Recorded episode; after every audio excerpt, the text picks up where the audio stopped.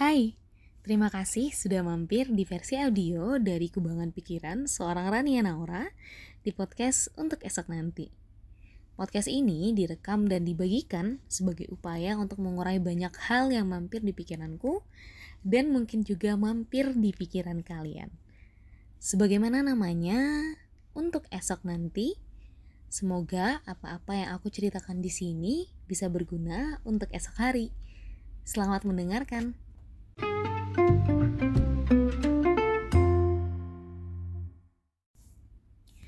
Wow, aku nggak menyangka aku akhirnya mengupload episode pertama dari podcast ala-ala yang intronya aku upload hampir 4 tahun yang lalu di 2019.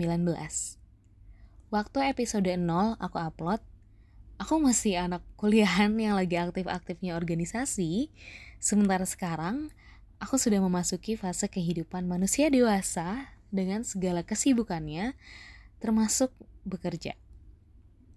Aku sebenarnya masih cukup overthinking dengan apa yang akan aku ceritakan di platform ini. Tapi aku juga sadar overthinking adalah alasan yang sama kenapa podcast ini cuman ada episode 0 doang selama hampir 4 tahun. Jadi daripada si anak thinking ini kebanyakan mikir, jadi kita gas record aja. Oh ya, sebagai disclaimer, hal-hal yang aku ceritakan di episode awal-awal ini mungkin sudah pernah teman-teman baca di caption-caption Instagramku selama aku ikut 30 hari bercerita. Dan yap, ketimbang overthinking lagi memikirkan topik-topik yang kudu dibahas, aku akan mulai dengan menceritakan kembali sebagian cerita di 30 HBC ku. Cerita-cerita yang sebelumnya tidak diceritakan secara utuh, entah karena keterbatasan caption atau keterbatasan waktu.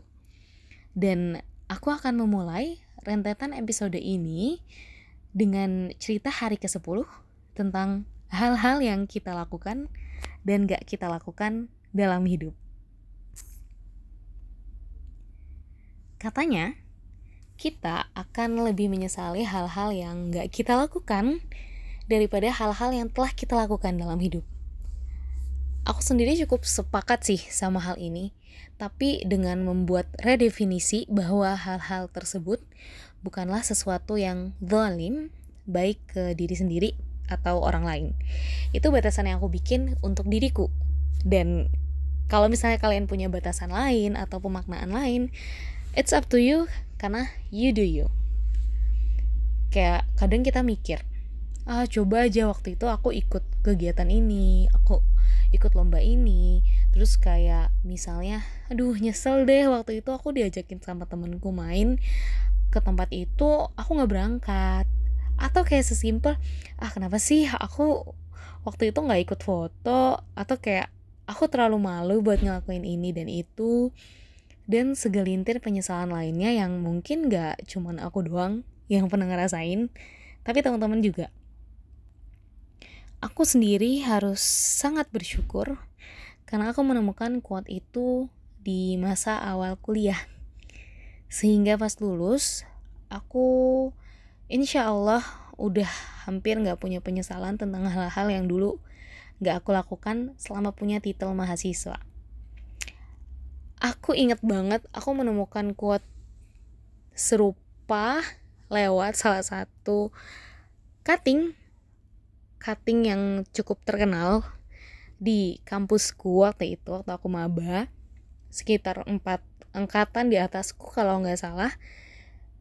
Dan beliau waktu itu nulis caption itu di caption Instagramnya tentang bagaimana kita harus memanfaatkan titel mahasiswa itu sebaik mungkin daripada nanti kita menyesal setelahnya. Dan setelah itu aku langsung tertrigger untuk bikin list hal-hal yang pengen aku lakukan. Dan akhirnya aku cobain juga.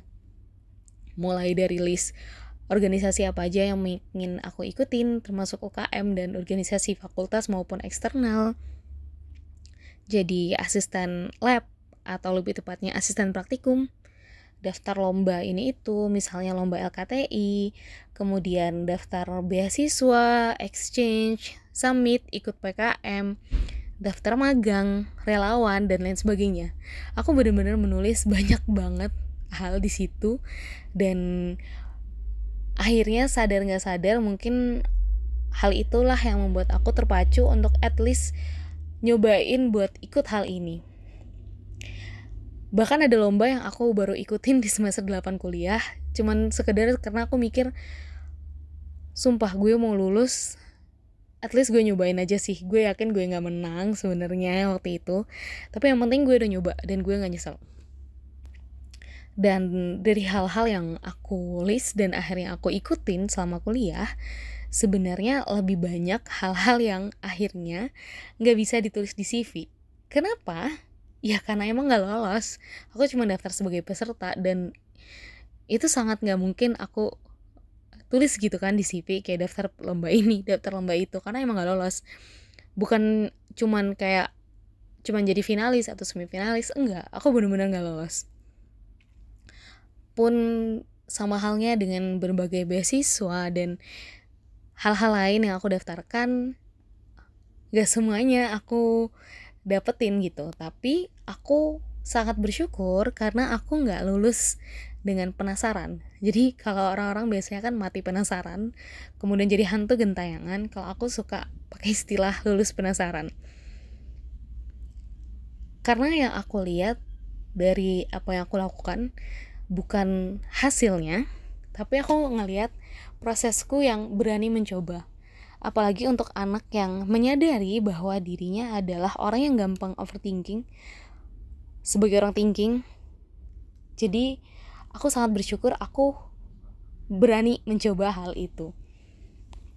Paling kalau ada hal-hal yang mungkin masih bikin aku agak gelo karena tidak aku lakukan itu adalah KKN dan wisuda.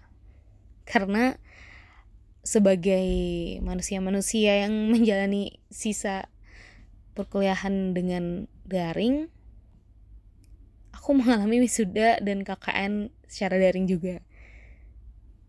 Yang sampai sekarang kadang aku masih susah move on. Aku masih pingin banget mencoba hal yang at least sama lah atau mirip dengan dua hal tersebut tapi aku juga sadar sih untuk dua hal itu kan ada faktor eksternal yang gak bisa aku kontrol which is pandemi. Oke okay, itu di konteks mahasiswa. Kali ini kita akan ngomongin masa sekarang. Setelah lulus aku nyoba untuk membuat lagi list hal-hal yang pengen aku lakukan atau aku pelajarin yang setelah dipikir-pikir mungkin untuk mewujudinnya nggak semudah dulu dan wak karena waktunya juga nggak sebanyak dulu. Ya ampun dulu aku ngerasa aku nggak punya waktu dan sekarang ternyata setelah lulus lebih nggak punya waktu.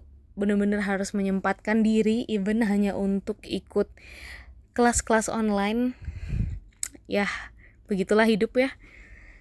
Tapi intinya aku jadi menyadari bahwa kehidupan orang dewasa tidak semudah itu guys tidak semudah itu. Tapi akhirnya aku tetap aku tetap membuat list hal-hal yang pengen aku lakukan atau aku pelajarin dan yang memang walaupun gak semudah dulu tapi tetap berusaha aku jalani satu-satu. Walaupun ya gak semuanya bisa aku wujudkan sendiri karena dalam list-list yang aku tulis kali ini ada hal-hal yang butuh peran orang lain tapi aku juga jadi menyadari kalau ternyata untuk hal-hal yang sebenarnya masih bisa sih aku wujudin sendiri aku ternyata masih punya rasa takut gitu. Kayak duh gue bisa gak sih ngelakuin hal itu di usia segini? Udah ketuaan gak sih? Atau kayak ada waktunya gak sih? Kapan ya? Kapan ya bisa ngelakuin ini dan itu? But aku berusaha untuk tetap optimis untuk at least walaupun tidak semuanya bisa terkabul aku berikhtiar untuk mencapainya. Dan aku juga berikhtiar untuk memvalidasi keinginan-keinginanku. Jadi yep sebagaimana tulisan di 30 HBC dibuat untuk mengingatkan diriku buat nggak gampang terjebak rasa ragu, maka podcast episode pertama ini juga dibuat untuk mengingatkan seorang Rani Naura supaya kamu enggak gampang terjebak sama rasa ragu yang muncul ketika pengen ngelakuin sesuatu dan berujung nggak melakukannya. Jadi lakuin aja apa yang kamu mau lakukan selama hal tersebut nggak menzolimi orang lain ataupun diri kamu sendiri. Kalau kata Mbak Stacy kan if we never try, how will we know? Aku suka banget sih by the way sama lirik itu. Kayak if we never try, how will we know? Atau kayak versi lagu di Indonesia, lagu lagu anak yang aku bisa. Nah gitulah, itu lagu yang sangat-sangat memotivasi aku ketika dari dulu sih dari kecil aku suka. Kemudian terutama ketika skripsian aku sering nangis sambil dengerin lagu itu karena kayak aku jadi tersadar bahwa yes kita mungkin ngerasa takut ngerasa putus asa tapi kita harus yakin sama diri kita sendiri kalau kita pasti bisa. Gitulah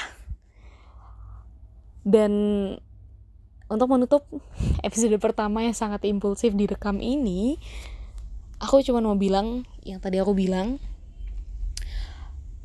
ketika kita pengen ngelakuin sesuatu kita yakin aja dulu kalau oke okay, kita akan coba ngelakuin hal itu. Dek, bukan dengan ekspektasi atau tujuan untuk kayak gue harus berhasil tapi mindsetnya adalah gue harus mencoba.